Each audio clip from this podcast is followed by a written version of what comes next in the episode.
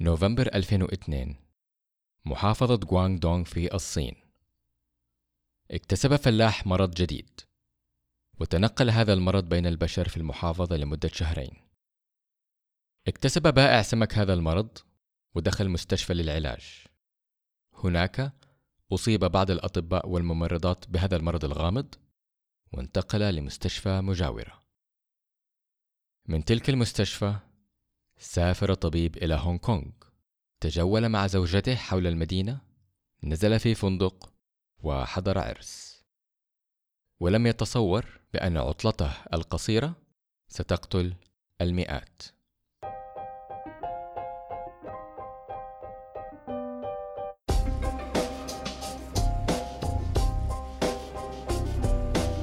السلام عليكم ومرحبا بكم في بودكاست علم FM البودكاست المهتم بآخر أخبار العلوم من فيزياء وكيمياء وأحياء والشلة الباقية.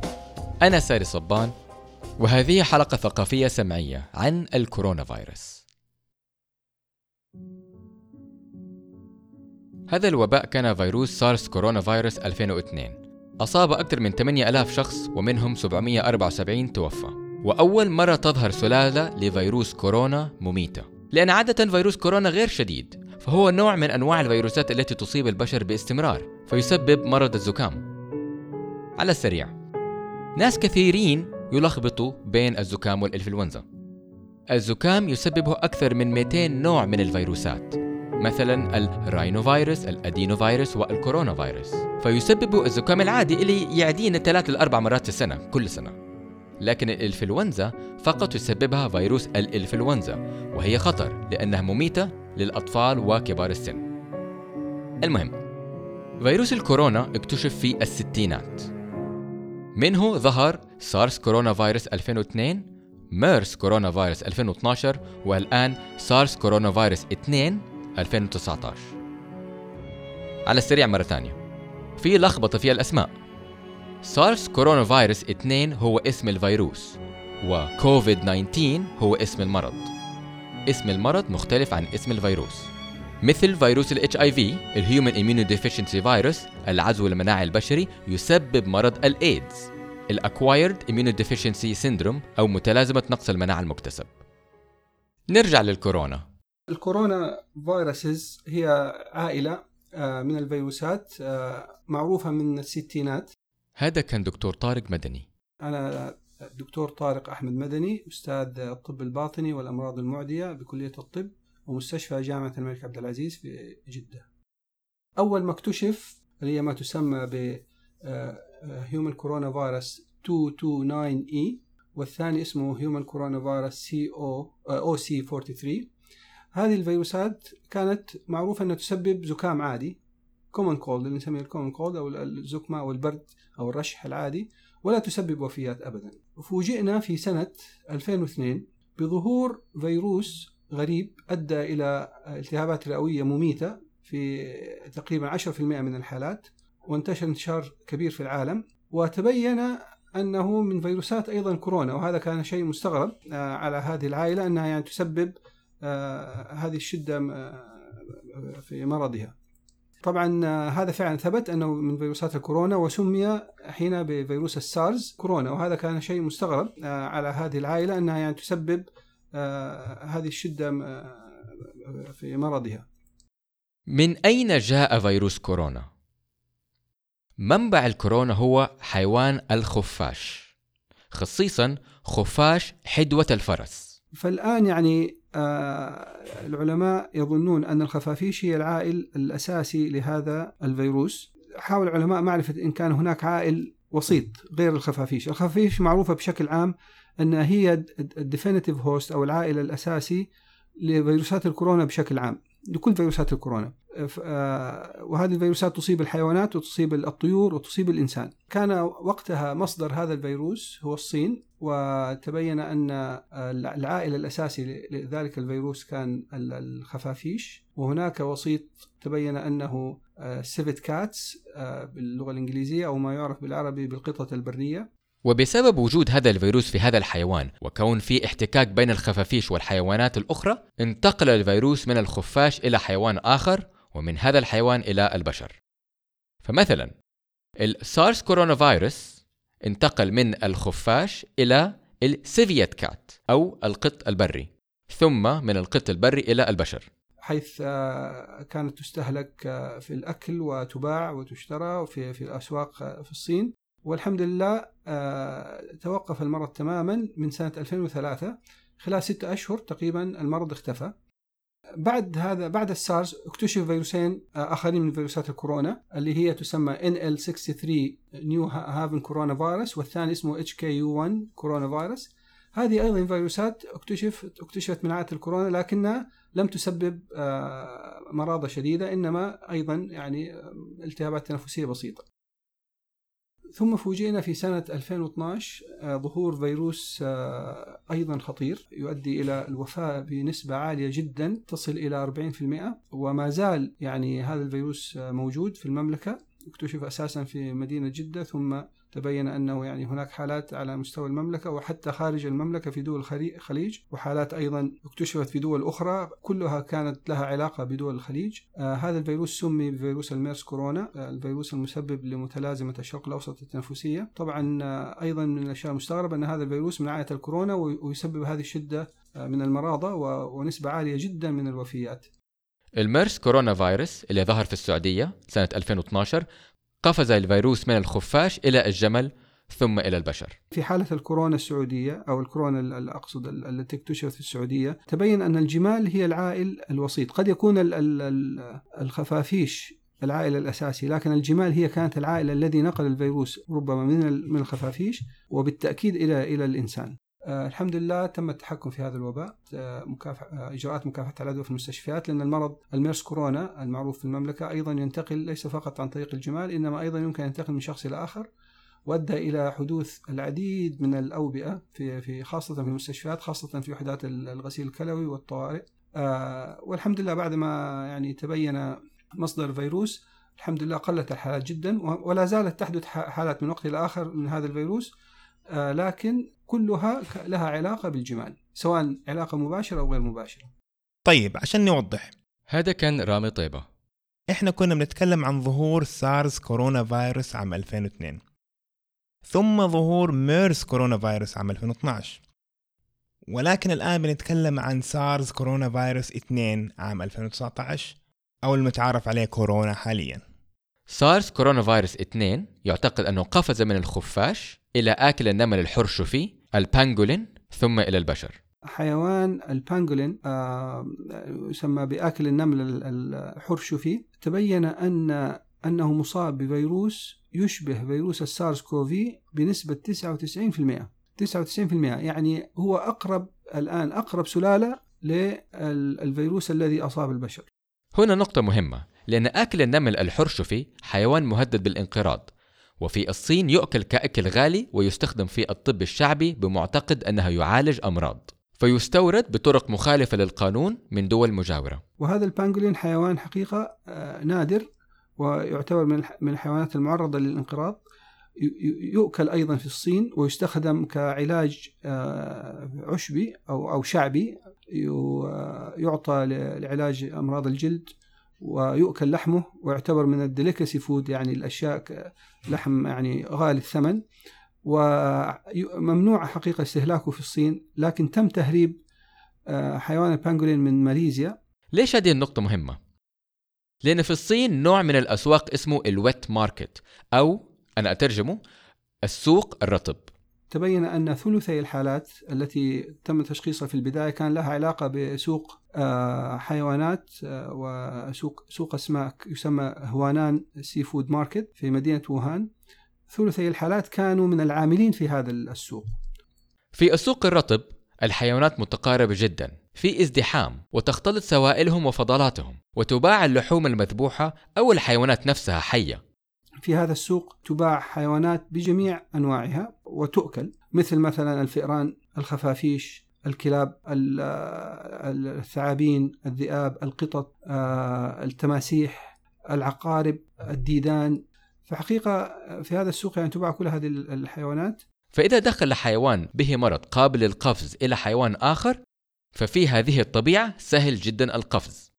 وطبعا كوننا نحن البشر نتعامل مع هذه الحيوانات بإفرازاتها وفضلاتها فسهل قفز الفيروس إلينا. وتم أخذ عينات من الحيوانات في من 33 حيوان من بعض المئات. تبين أن 33 منها من هذه الحيوانات إيجابية لنفس الفيروس. مما أكد أن فعلا هذا السوق آه، كان مصدر أو في الغالب كان مصدر العدوى للأشخاص العاملين فيه. 41 حالة من أول ديسمبر إلى آخر ديسمبر. تم تشخيصها بالتهابات رئوية اكتشفت الصين أن هذا الفيروس هو من عائلات كورونا أيضا. طبعا هذه كانت مفاجأة.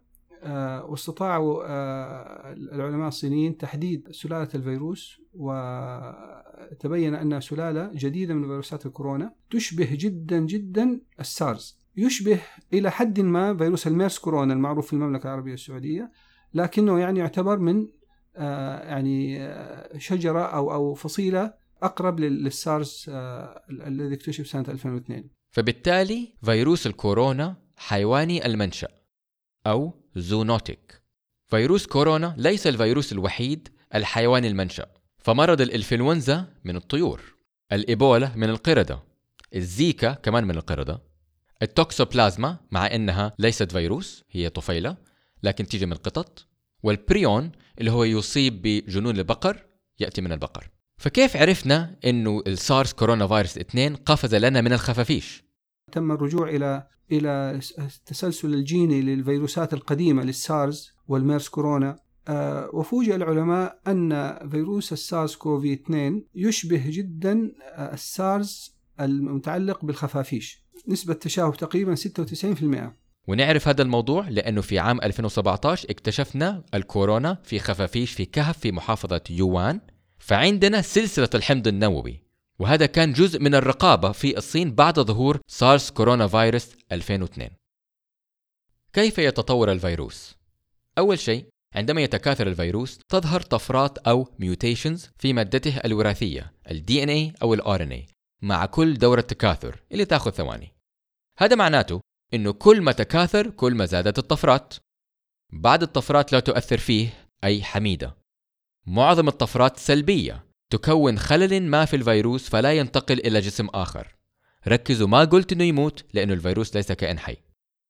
بعد الطفرات إيجابية تعطي الفيروس صفة ما أفضل مثل مناعة ضد الحرارة أو قابلية الالتحام بخلايا كائن حي من فصيلة أخرى. الشيء المعدل جينيا أو الطفرات الجينية في الغالب في الغالب إذا حدثت تضعف مما يسمى من ال viral fitness من ال viral fitness يعني قدرة الفيروس وضراوة الفيروس تضعف في حالة حدوث طفرات فيه. طفرات يعني سواء أحيانا حتى لو هي طبيعية تضعف من قدرة الفيروس على على التكاثر. ونادر ما ما تصيبه بصفات قوية. هذه التصفية. نجاة الأقوى. فكل ما تكاثر الفيروس داخل جسم وبين أجسام عشيرة كل ما زادت احتمالية ظهور طفرات إيجابية تسمح له بالقفز إلى كائن حي من فصيلة أخرى. إذا عدد الأجسام قليل غالبا الفيروس سيصيب كل أعضاء العشيرة قبل أن يكون طفرات إيجابية تسمح له بالقفز إلى كائن حي من فصيلة أخرى.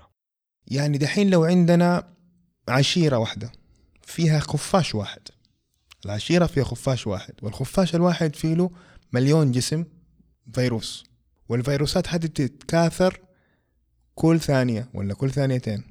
فاحتمالية إنه تصير طفرات إيجابية عالية ولكن ما هي بنفس علو لو العشيرة بمية.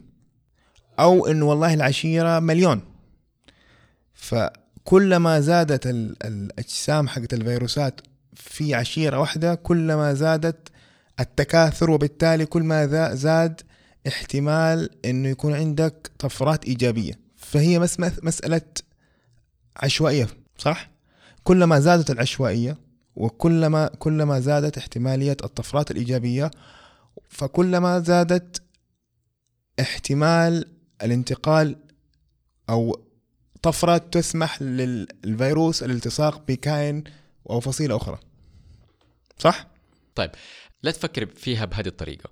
فكر فيها زي آه، لأنك أنت قاعد بتفكر على عدد الجسيمات حقت الفيروس والاجسام حقت العشيرة. فكر فيها بالطريقة الآتية. عندك انت موية بتغلي تمام؟ طلع فقاعات. إيش الاحتمالية ان واحدة من الفقاعات هذه تطلع لك صوت عالي؟ فانت فجاه تلاقي فجأة امم فهمت علي؟ هذه هي ال- ال- ال- ال- الفقاعة العالية هذه تعتبر الطفرة الإيجابية. مزبوط أيوه فأنت عندك معظم ال- الفقاعات آه خفيفة. طفرات حقتك سلبية لكن عشوائيا ممكن تطلع لك واحدة إيجابية. فلو أنت عندك قدر واحد احتمالية يطلع لك صوت فقاعة عالي أقل من لو عندك مليون قدر فوق مليون عين نار كلها بتطلع فقاعات. مزبوط فإذا عندك أنت مليون قدر وشغلتهم في الثانية الواحدة حتسمع فقاعات مرة كتير عالية. مزبوط أيوه. أوكي.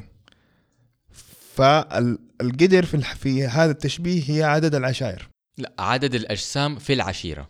أيوه أيوه. عدد عدد التعداد السكاني في العشيرة. مزبوط مليون أيوة. خفاش هي مليون قدر. أيوه مزبوط فأمراض القرن ال21 السارس الميرس ال swine flu ال bird flu كلها ناتجة من حيوانات تعيش في أعداد هائلة.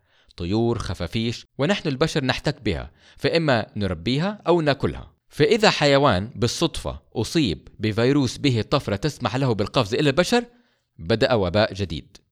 وهذا الموضوع نستطيع ملاحظته. سارس كورونا فيروس 2 يشبه الكورونا فيروس في الخفاش بنسبة 96% أي أنه قفز إلى البشر مؤخرا. وبما أنه في البشر الآن الخوف أن زيادة عدد حالات الإصابة تسبب طفرات إيجابية قد تزيد من خطورته أو تزيد من سرعة انتشاره أو ينفصل إلى سلالتين مختلفتين لدرجة أننا نحتاج للقاحين بدلا عن لقاح واحد لمكافحته. فظهر الفيروس في البشر في نهاية 2019 مع وداع العقد. فكيف ينتشر الفيروس بيننا؟ ال- الفيروس هذا ينتقل أساسا عن طريق الرذاذ. القطرات السائلة الناتجة من السعال والعطاس. الإفرازات التنفسية التي تخرج من من الشخص خلال الكلام الحديث أو العطاس أو الكحة. فتخرج هذه ما يسمى بالرذاذ والفيروس هذا يعتبر من الفيروسات الثقيلة التي لا تستطيع أن أن تبقى معلقة في الهواء بعد أن تخرج من من فم المريض أو من أنف المريض. فت- فتسقط على الأرض مباشرة. وحتى يصاب الشخص الآخر من من المريض لابد أن يكون على مسافة أقل من متر. أو لمس الأسطح. فتصبح الأسطح أداة للعدوى أو فومايت مثل الجوال أو مقابض الأبواب أو أزرار المصعد.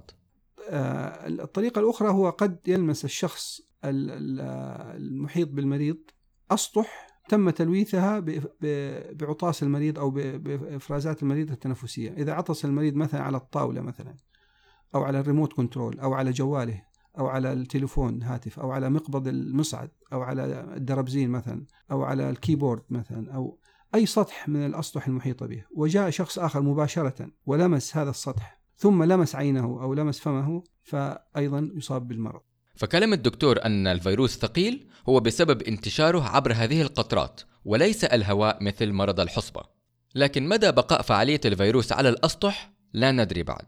لذا نعقم الأسطح ونغسل أيدينا. واضح أن الفيروس ينتشر بسرعة. في خلال أربع أشهر وصل إلى جميع أنحاء العالم وعدا حتى هذه اللحظة أكثر من مئة ألف شخص. فسرعة الانتشار تحسب بعدد التكاثر أو ال R naught هناك مص- مصطلح علمي معروف بال reproductive time أو ما يختصر R naught. آه هذه معناها قدرة الفيروس على عدوى ال- الغير من شخص إلى آخر. ال R naught على سبيل المثال هي عشر أشخاص مثلا مثلا أصيبوا بفيروس السارس CoV 2 آه إذا مثلا عدوا خمسة أشخاص آخرين فيكون ال R naught نص. بمعنى أن كل شخص عدا نص شخص. العشرة عدوا خمسة.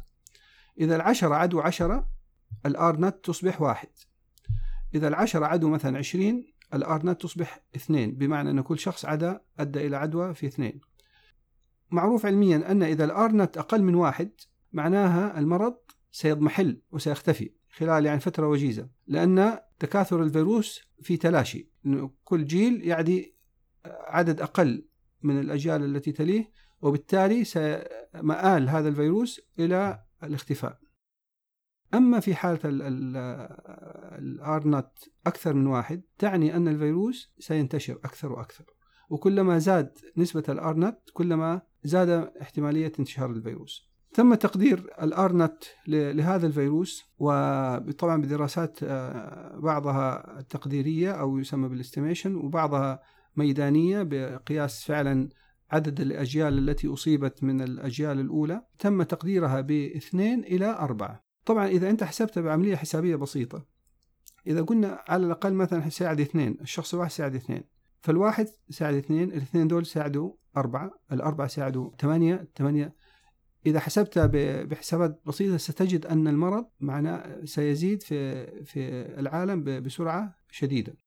فال R naught للكورونا من 1.4 إلى 3.9 فالسارس كورونا فيروس 2 نسبة انتشاره نوعا ما شوية أعلى من الإنفلونزا والإيبولا والميرس كورونا فيروس لكن أقل من السارس من ال HIV من ال mumps من ال polio وطبعا من الميزلز. لكن هنا نقطة مهمة إنه عدد التكاثر ما هو معدل ثابت. بمعنى آخر عدد التكاثر لسارس كورونا فيروس 2 في الأماكن المغلقة مثل سفينة سياحية توصل إلى 12 إلى 18 يعني زي الحصبة. دحين ليش إحنا شايفين كل المشاكل هذه حوالين العالم والتكفيلات والفزع؟ بما إنه هذا ثالث كورونا فيروس ينتشر بيننا. في 2003 سارس كورونا فيروس اللي هو الأول كانت العدوى تحدث ثم بعد أربع لخمسة أيام تظهر الأعراض بدون قابلية النشر لكمان أربع لخمسة أيام ثم يستطيع المريض نشر المرض. هذا سبب سهولة عزل المرض والقضاء عليه بعد 8000 حالة.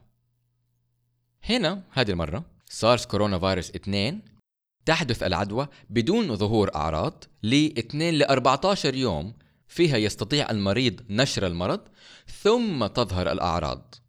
هذا السبب في صعوبة عزل المرض. الشخص عنده عدوى وينشرها بدون علمه بسبب عدم وجود أعراض فيزداد الانتشار بين الناس ويصعب عزل الحالات. لهذا الفيروس آه، فترة الحضانة التي يعني تم تقديرها في كثير من الدراسات هي تقريبا خمسة أيام. لكن آه، نحن نقول آه، أن فترة الحضانة القصوى المتوقعة تصل إلى 14 يوم. إذا أصيب الإنسان بأعراض وتبين أنه عنده الكورونا لابد أن يعزل نفسه إن كان حالته مستقرة يعزل نفسه في البيت إلى أن تختفي الأعراض تماما. إذا اختفت الأعراض مثلا قد تختفي الأعراض بعد خمسة أيام أو ستة أيام أو سبعة أيام. إذا اختفت الأعراض تماما ينصح قبل أن يرجع ويخالط الناس ينصح أن يتم عمل فحص له من قبل السلطات يعني في وزارة الصحة. يتم فحص له آه، من أخذ عينة أخرى في آخر المرض أخذ عينة من الجزء الخلفي من الأنف ومن الحلق وإرساله للمختبر الوطني في المملكة العربية السعودية وهو في الرياض آه، بتقنية ال PCR عندما تختفي الأعراض حتى يتأكد فعلا أنه لا يحمل الفيروس في حلقه وأنه اختفى تماما قبل أن أن يخرج للناس ويخالطهم طيب إيش يحصل لما الفيروس يدخل جسم الإنسان؟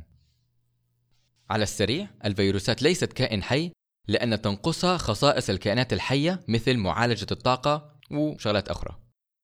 فيروس كورونا اسمه كورونا لأنه تحت المجهر الإلكتروني يظهر ككرة حولها تاج أو crown بالإنجليزي أو كورونا باللاتيني.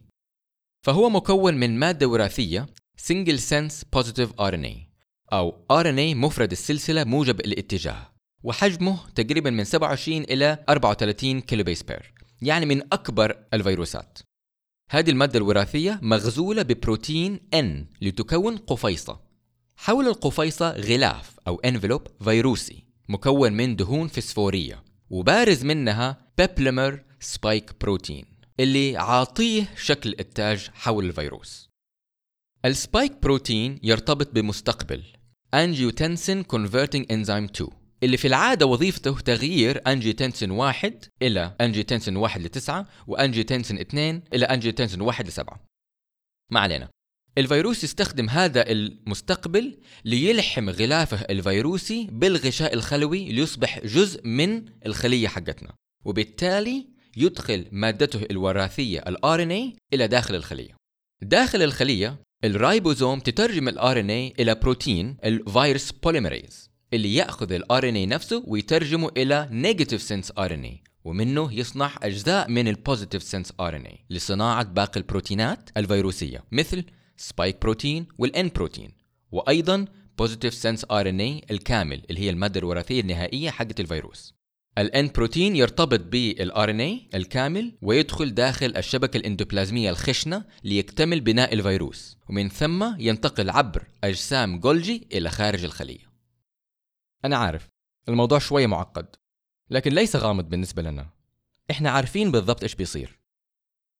المصاب بكورونا يكون عنده أعراض خفيفة مشابهة للزكام العادي لكن في بعض الحالات يتطور المرض ليسبب التهاب رئوي pneumonia اللي هي تفاعل مناعي ضد الفيروس لكن شديد فيسبب ملء الرئتين بسوائل زيادة عن اللزوم على صعيد التخلص من الفيروس. الالتهاب الشديد ممكن يكون عاصفة ال cytokines أو ال cytokine storm اللي تسبب فشل أعضاء كلي أو multiple organ failure. من ناحية العلاج لا يوجد حقيقة الآن أي علاجات فيروسية محددة. هناك يعني عدة أدوية مرشحة لأن تكون علاجات لهذا المرض. على سبيل المثال دواء الكاليترا أو اللوبينافير ريتونافير واحد من الأدوية التي تستخدم لعلاج فيروس نقص المناعة المكتسب. هذا الدواء الآن جاري دراسته في clinical trial في الصين. إضافة لدواء الكلوروكوين هو دواء للملاريا.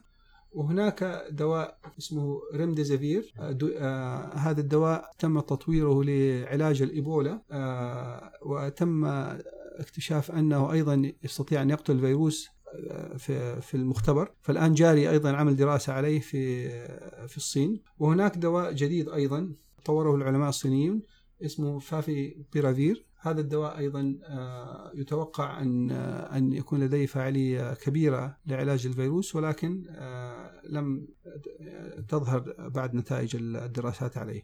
لكن على حظنا معظم الناس عندهم القدرة في التخلص من الفيروس بنفسهم بدون دواء.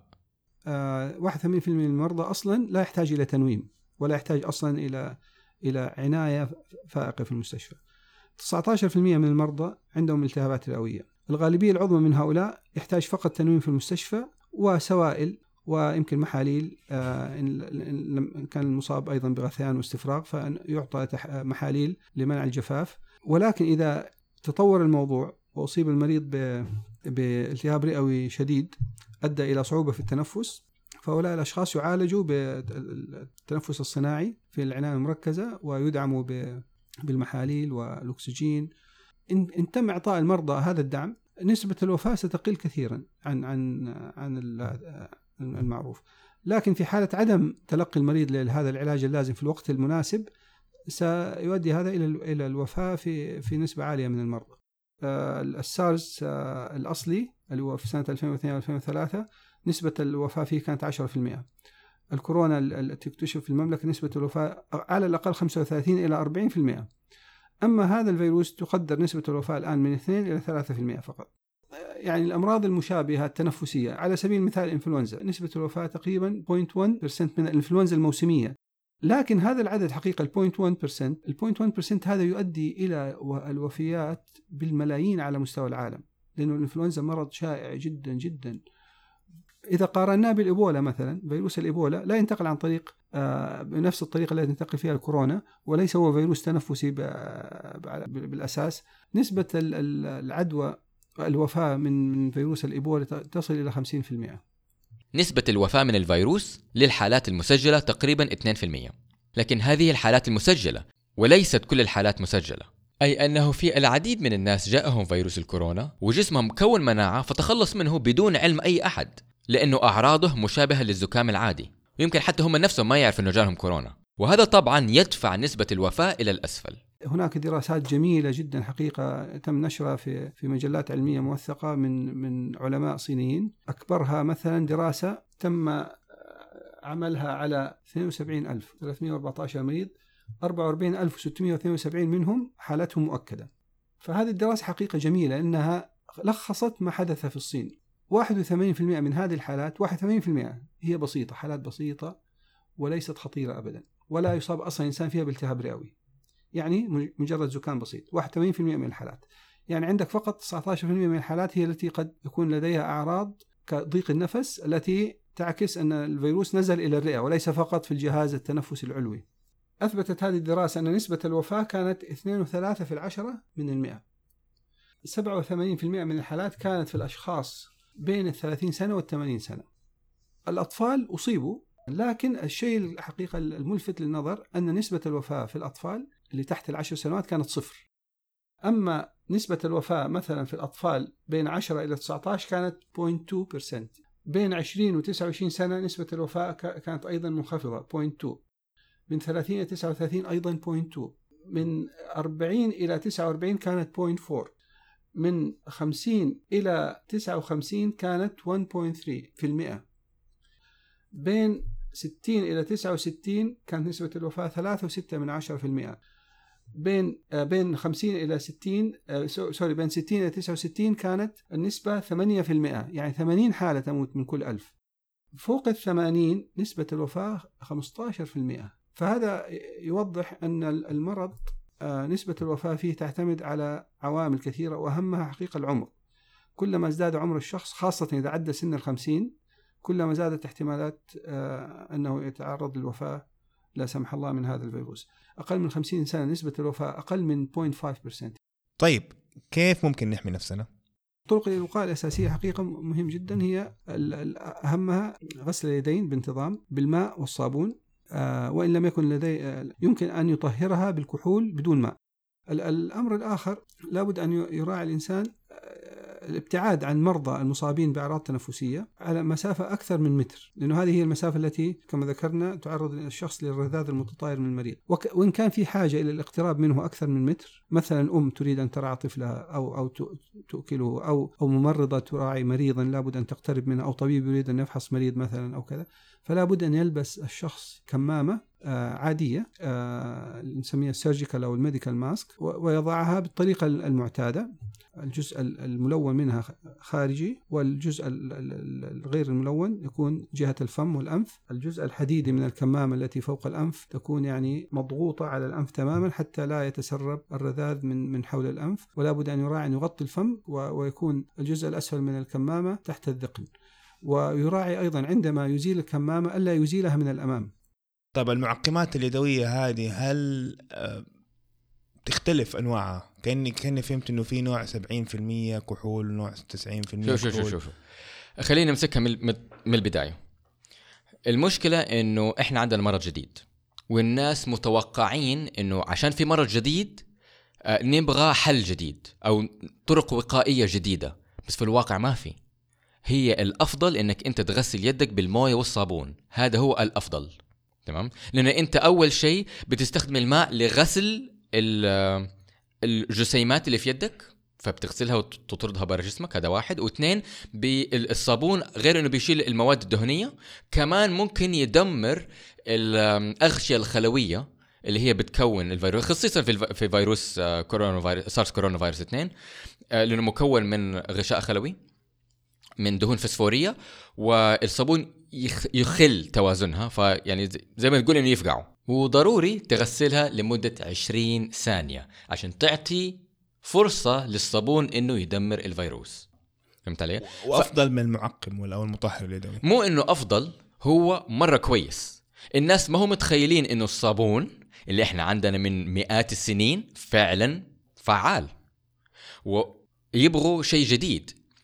تبغى تستخدم انت معقم يدوي بالكحول؟ ممكن تستخدمه لكن ما حيفيدك أكثر من الصابون. الصابون لسه هو الأفضل. هو يمكن ميزة المعقم اليدوي إنه آه تقدر تستخدمه في أي مكان. أيوه يعني إذا أنت ما عندك حمام ممكن تدخل أو مثلا خايف تدخل حمام وسخ. ممكن تستخدم معقم. آه على السريع مثلا أنت في السيارة في السوق في المستشفى. أيوه ممكن تستخدم بس ما تعتمد عليه. وما تتجنن ويصير تغسل يدك بالصابون وبالمعقم وبالصابون وبالمعقم. لا فهمت علي؟ يعني روق. غسل يدك بالموية والصابون بالطريقة الأساسية. إذا ما تقدر عندك المعقم اليدوي. فما في أي إثبات علمي أن الصابون الأنتي أو به مواد تقتل الفيروس أو مخلوط بالكحول أفضل من الصابون العادي. أي نوع صابون كويس مهما كان. ما في شيء تاكله اسمه يقوي المناعة. التوم، الكركم، الهواء السخن، الفيتامين سي إلى آخره ولا شيء من هذه الإشاعات مثبتة علميا فلا تضيع وقتكم بها ولا تعتمدوا عليها. هو غسل الأيدي مسح الأسطح والتباعد الاجتماعي. بالنسبة للكمامات هناك عدة أنواع. أولا كمامة الجراح أو الكمامة الطبية. ثانيا ال N95 وال N99 اللي هم يصفوا 95% أو 99% من الجسيمات اللي في الجو. هنا الدكتور طارق سيتحدث عن الكمامة الطبية. طبعا هناك شائعة انتشرت أن الكمامة آه، تلبس بالطريقة التقليدية إن كان الشخص يريد أن يحمي نفسه من المرض لكن إذا إذا أبغى ألبسها للمريض نفسه بعض الشائعات انتشرت أن لابد أن يلبسه بالمقلوب. طبعا هذا غير صحيح أبدا. فالكمامة تلبس بطريقة واحدة وجهة واحدة الجزء الملون خارجي والغير ملون جهة الفم والأنف. ثم لابد أن يراعي الإنسان آه، عدم لمس الفم والعينين والأنف بيديه. والفم لأن هذه الأجزاء فيها آه، غشاء مخاطي. غشاء المخاطي هذا عرضة لأن يستقبل الفيروس في حالة كانت اليد ملوثة. المشكلة أنه لا يوجد لقاح ضد سارس كورونا فيروس 2 يوجد بعض اللقاحات المرشحة للاختبار لكن اختبار فعاليتها تأخذ أشهر إلى سنة ثم أشهر أخرى لصناعة كمية كافية للعالم. الوقاية أيضا إن إن كان هناك لقاحات سينصح بها لكن حتى الآن لا يوجد لقاح معتمد.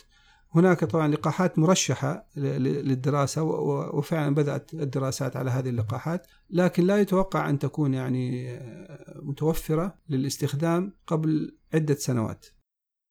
طبعا آخر وأهم طريقة وقائية هي التباعد الاجتماعي اللي هي كل الدول حاليا بتطبقها هي السبب إنه الأطفال أجزوا.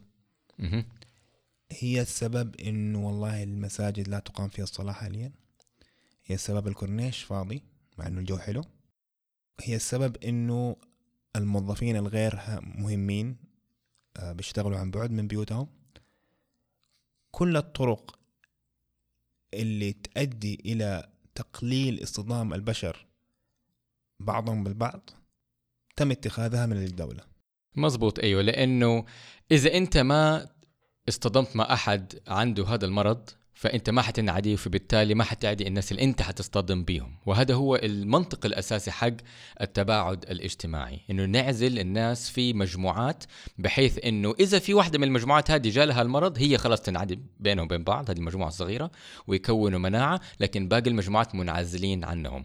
هذه من أقدم الطرق اللي نكافح فيها وباء خصيصا إحنا حاليا ما عندنا دواء مثبت إنه يعالج الكورونا. ولا حتى لقاح عشان نقدر نحمي المجتمع. بل من أوائل من طبق الحجر الصحي كنا نحن العرب عام 706 في دمشق عندما أمر الخليفة الأموي الوليد بن مروان عزل المصابين بالجذام. الفيروس كمرض تنفسي يتوقع بنسبة آه، انتقال 2 إلى 4 من كل شخص يتوقع أن أن يزيد في الانتشار. في حالة الدول كلها أخذ احتياطات الكاملة لمنع انتقال الفيروس لها واكتشاف المرض مبكرا وعزل المريض عن عن باقي المخالطين بسرعة فيمكن أن يتوقع أن يختفي هذا الفيروس كما اختفى السارس. قد يكون هناك عامل مساعد آخر لاختفاء هذا الفيروس خلال آه، فصل الصيف. فالفيروسات التنفسية بشكل عام آه، كالإنفلونزا وغيرها تنتشر أكثر في فصل الشتاء آه، لأن درجة الحرارة موائمة للفيروسات. فبالتالي يتوقع أن أن الأمور تتحسن في في فصل الصيف. قد فعلا يكون فصل الصيف هو نهاية هذا الفيروس. مؤخرا نشر بحث أن الكلوروكوين دواء ضد الملاريا يتضح أنه فعال لعلاج الكورونا. وهذا خبر ممتاز لأن هذا الدواء موجود من 1945 رخيص ومتوفر بكثرة وليس محظور خلف براءة اختراع. لكن قبل ما نستخدمه ضروري نختبر فعاليته حتى لا يتضرر الناس. وممكن تضر ناس كثير إذا وصف للآلاف بدون إثبات فعاليته. أو معرفة الجرعات الأفضل للتقليل من الأعراض أو نوع المرضى المعرضين لأعراض جانبية خطيرة. رامي كيف تفتكر العالم حيتغير بعد هذا الوباء؟ والله أول شيء كان يخطر في بالي من أسبوعين أو ثلاثة لما بديت أشوف التكفيلات حقت الحكومات لأشياء مختلفة وردة فعل بعض الدول وبالذات مثلا في الصين وكذا إنه كيف حياتنا الحديثة هشة. كل التكنولوجيا هذه وكل التواصل هذا واللوجيستكس هذا هذه تطلب شغلة أنت من الصين تجيك في يومين. كل هذا الكلام السيارات اللي في الشوارع الطيران كله يعني ممكن يختفي في يومين وليلة بدون أي مبالغة. أكيد الحين يعني وباء بس في النهاية ما هو كبير ولا يعني يعني نسبة الوفاة ما هي مرتفعة. الوفاة ما هي مرتفعة بس لو ارتفعت هذه 2% كمان ولا ارتفعت يعني شوف دحين نقارن مثلا اللي حاصل في كل دول العالم وإيطاليا. إيطاليا دحين نسبة الوفاة عندها يمكن خمسة في المية ولا عشرة في المية. آه اليوم بشوف الأرقام كانت فعلا تقريبا آه أربع آلاف واحد توفى من خمسة وأربعين ألف سبعة وأربعين ألف حالة. فتقريبا عشرة في المية ثمانية في المية. شوف كيف إيطاليا بيسكلي لما نطالع فيها بالنسبة للدول الثانية اللي حوالينا ودول العالم حتى أمريكا وكذا اللي ما هي تحس إنه البلد كلها تشلت. الفرق بين 4% ولا 2% اللي هي معلنة الأفريج الموجود ولا المتوسط الموجود في العالم وإيطاليا. من 2 ل 10% شوف الفرق. طب تخيلوا في مرض 20% إيش حيسوي؟ 20% الأساس حقه. فهذا كله حيختفي. ممكن يصير. فإنه الحياة حقتنا الحديثة يعني ما أدري إيش المصطلح بالعربي بس إنه معظمنا it for granted. بس آه، كله ممكن يختفي. إيش رأيك؟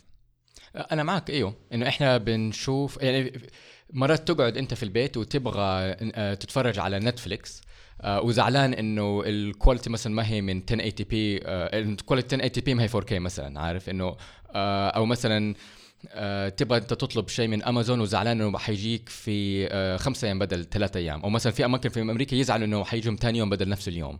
إنه كل الأشياء هذه زي ما أنت بتقول إنه إحنا اتعودنا عليها لكن ممكن تختفي. بكل بساطة زي مرض زي كده أه يدمر لنا الحياة اللي إحنا معتادين الرفاهية اللي إحنا معتادين عليها. وزي ما أنت شايف إحنا محبوس محبوسين في البيت. الحمد لله إحنا ما صار لنا هذا الشيء آه، في المنطقة عندنا العربية. ولكن شوفوا في في الغرب تروح ال supermarkets كلها فاضية. طريقة الحصول الإنسان للغذاء حاليا basically من السوبر ماركت آه زمان ما كان كذا كان في طرق مختلفة يا إنك تزرع يا إنك تصيد يا إنك كذا ف مظبوط أنت عندك الرفاهية إنك ما تحتاج تفكر أنت حتأكل بكرة من فين. أنت عارف أنت إذا جعت حتنزل السوق تجيب الأكل وأنت عارف إنه حيكون في أكل. فهذه رفاهية إحنا تعودنا عليها. مو دائما كان عندنا هذه الرفاهية. وهذه الرفاهية معتمدة على التكنولوجيا. وإذا التكنولوجيا هذه اختفت ناس حيموتوا كثير بسبب الجوع مو بسبب المرض. آه، شيء ثاني أعتقد إنه شركات كثير وأشخاص كثير حيبدأوا يراجعوا علاقتهم مع الأعمال والدوام في الشغل. آه، في شركات كثير اللي هي أتوقع مهيئة للعمل عن بعد واللي عندها زي ما تقول العضلة ممرنة على العمل عن بعد عشان العمل عن بعد مختلف عن العمل آه، في مقر العمل يعني مزبوط أيوه. يعني فيزيكلي يعني. آه يبغى لها تدريب يبغى لها آه انضباط معين يبغى لها هيكل. هيكل معين. آه ففي شركات عندها الشيء هذا من أول شغالين عليه بس بطريقة يعني يمكن ما تكون آه موسع أو عشان راحتهم بدل ما إن بدل من الضرورة. أيوه فدحين مع الضرورة صاروا 24 ساعة في سبع أيام شغالين كده فهيستوعب إنه والله أكشلي يمكن هذا أحسن لنا أحسن لموظفينا أوفر. آه وأوفر لنا فحيكملوا كده. وفي شركات أتوقع تانية حيصير عندهم ردة فعل عكسية إنه والله هم ما هم مهين أصلا ودحين أجبروا إنهم يشتغلوا بالطريقة هذه وأعمالهم اتأثرت وتضررت كثير. فلما إن شاء الله الأزمة هذه تنجلي حيكون ردة فعل إنه لا ما نبغى ما في اسمه ريموت وورك ولا يعني حتكون معادية لها. أنا أعتقد إنه الحكومات بعد ما أخذت العلقة هذه حتبدأ تصرف أكثر في مكافحة الأوبئة. لأنه واضح إنه ما في ولا حكومة متجهزة لهذا المرض أو لأي مرض ممكن ينتشر بهذه السرعة. بما إنه هذا ما هو أول وباء يعدي علينا لا تنسى إنه من كم سنة جانا هنا آه، ميرس كورونا فايروس في السعودية آه، قبلها جاء وقبلها بكم سنة بس جاء لنا الفلونزا الخنازير في 2009 وقبلها كمان جانا السارس وهذا كله في القرن ال 21 هذا كله في خلال ال 20 سنة اللي فاتت. فلما دحين إحنا جانا مرض ينتشر مرة بسرعة وكمان نسبة الوفاة حقته 1 2 3% هكذا مو زي الانفلونزا اللي هي 0.01 آه واضح إنه الحكومات ما هي متجهزة لمكافحة مرض زي كده من ناحية الهيكلة والأنظمة الصحية من ناحية التنظيم ومن ناحية التوقعات وطرق معالجة الاقتصاد. لا شك الاقتصاد حقنا بيتدهور حاليا. العالم كله مو بس يعني إحنا في السعودية ولا في العالم العربي ولا فقط أمريكا ولا الصين العالم كله إحنا كلنا مرتبطين مع بعض. فأنا أعتقد إنه لما لما نعدي من الأزمة هذه الحكومات حتبدأ تصرف أكثر وتعطي اهتمام أكثر لمكافحة الأوبئة. في حاجة تانية يمكن تكون آه، سخيفة ولا صغيرة بس علاقتنا بالسلام أيوه والمصافحة. واضح حد حيتغير والله مو شرط. إذا الأزمة انجلت بعد أسبوع خلاص انتهينا. بس لو تخيل إن الحين صار لك ستة شهور بيسك الأزمة موجودة وستة شهور ما بتسلم وكده من بعيد وحتى لما كده واحد بس بيعدي من جنبك كل واحد كده تعرف بيحاول يوخر عن الثاني كده ومدري إيش و... فاهم قصدي؟ هل بعد ستة شهور من تعامل مع بعض زي كده هل حتقدر ترجع تصافح آه، زميلك ولا حتقدر ترجع حتى بس مو سيبك مصافحة طريقة السلام العربي إحنا مثلا نبوس على الخد هل حتقدر تسويها دي في المست... بعد ستة شهور من ال... يعني انك بت... انك ما بتسوي الشيء ده مم.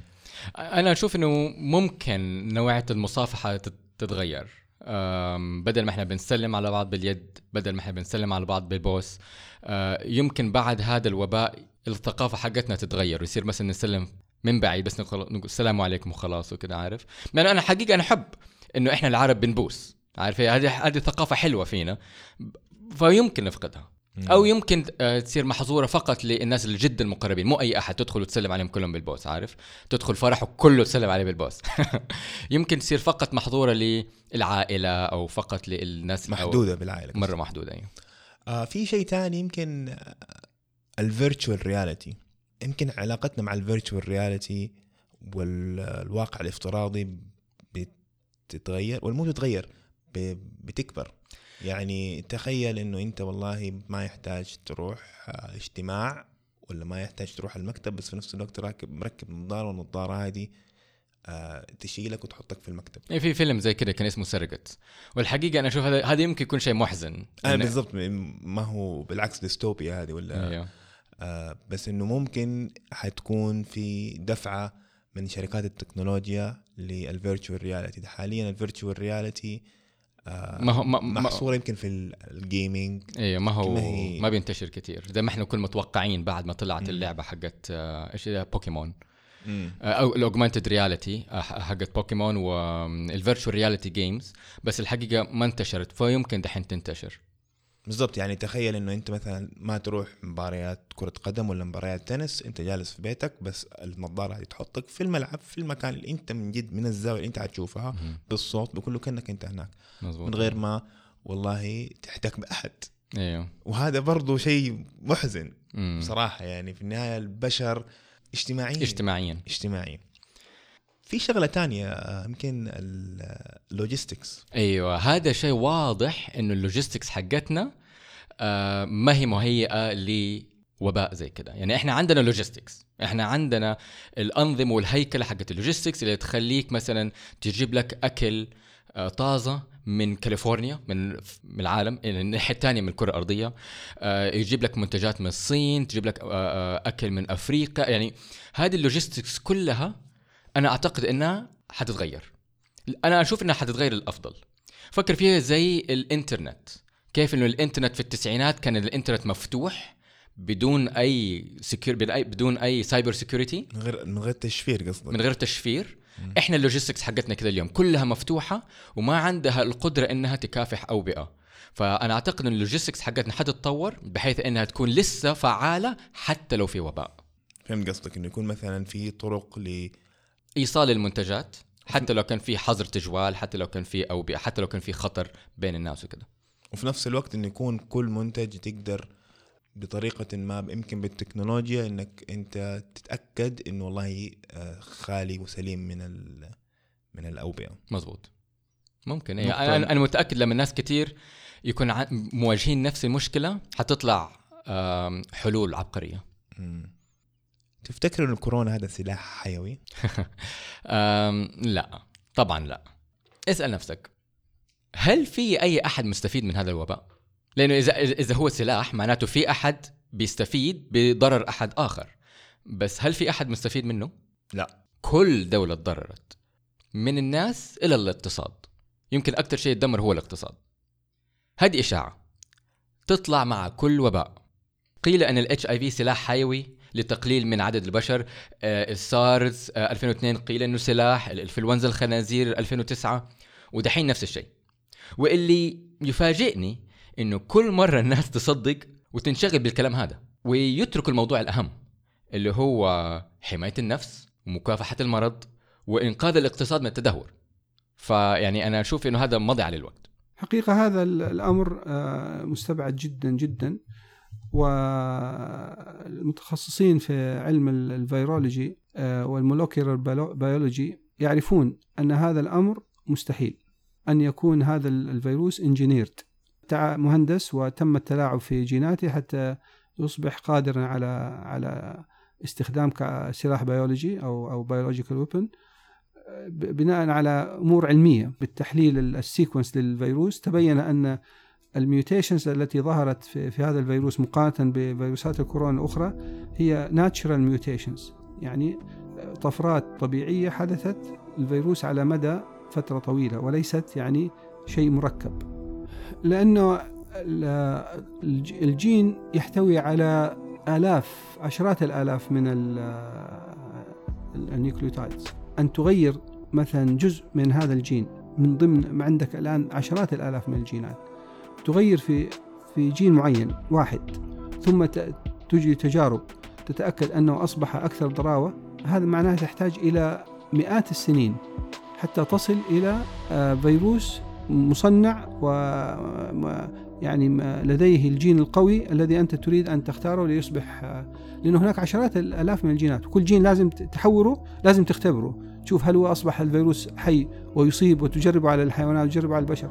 طبعا عملية كذلك عملية معقدة جدا وليست بالسهلة. الأسلحة البيولوجية المستخدمة هناك أسلحة بيولوجية طبعا معروفة هي حقيقة تستخدم الفيروس الطبيعي. نفس الجرثومة لأن هي الجرثومة الأصلية بطبعها شديدة وخطيرة.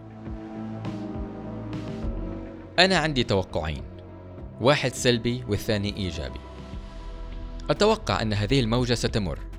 عدد المصابين سيرتفع كما هو متوقع لكن سيصل إلى استواء ثم يبدأ في التدني. أتوقع أننا سنصل إلى هذا الاستواء يمكن في رمضان يمكن بعده بشوية شهرين كده تقريبا. الدليل أن الصين وصلت إلى هذا الاستواء. اليوم لأول مرة منذ ظهور المرض لم تسجل حالة جديدة فهم سابقيننا بشهرين تقريبا. فأتمنى أن توقعي يكون صحيح. هذا الوباء العالمي الجائحة لن يكن الوباء الأخير الذي تمر به البشرية. هذا جزء من الحياة. السؤال هو ما هي القرارات التي سنتخذها كبشر مع بعض؟ هل سنتطور كلنا كإنسانية؟ فهذه المرة نسبة الوفاة متدنية. المرة القادمة يمكن ما نكون محظوظين. إذا سألتوني اليوم أنا خايف من إيش؟ في كورونا حول العالم تنتشر بسرعة لكن نسبة الوفاة متدنية وفي كورونا في السعودية تنتشر ببطء لكن نسبة الوفاة عالية جدا أنا خايف إنهم يصيبوا نفس الجسم يحدث لهم تأشيب متماثل أو homologous recombination ويظهر لنا فيروس جديد سريع الانتشار ونسبة الوفاة عالية. وهذا ضروري يكون أحد أكبر الدوافع لعدم سماح للكورونا أن تنتشر بيننا. فاغسلوا أيديكم، امسحوا الأسطح، وإعزلوا أنفسكم لحد ما هذه الموجة تمر.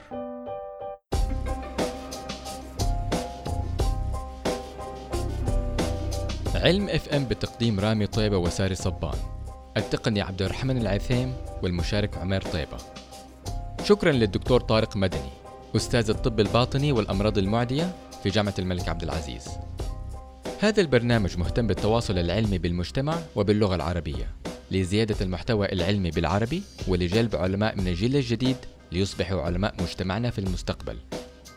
تواصلوا معنا على تويتر أو إنستغرام at ilm underscore fm لتسمعونا تابعونا على يوتيوب SoundCloud iTunes أو أي تطبيق بودكاست آخر.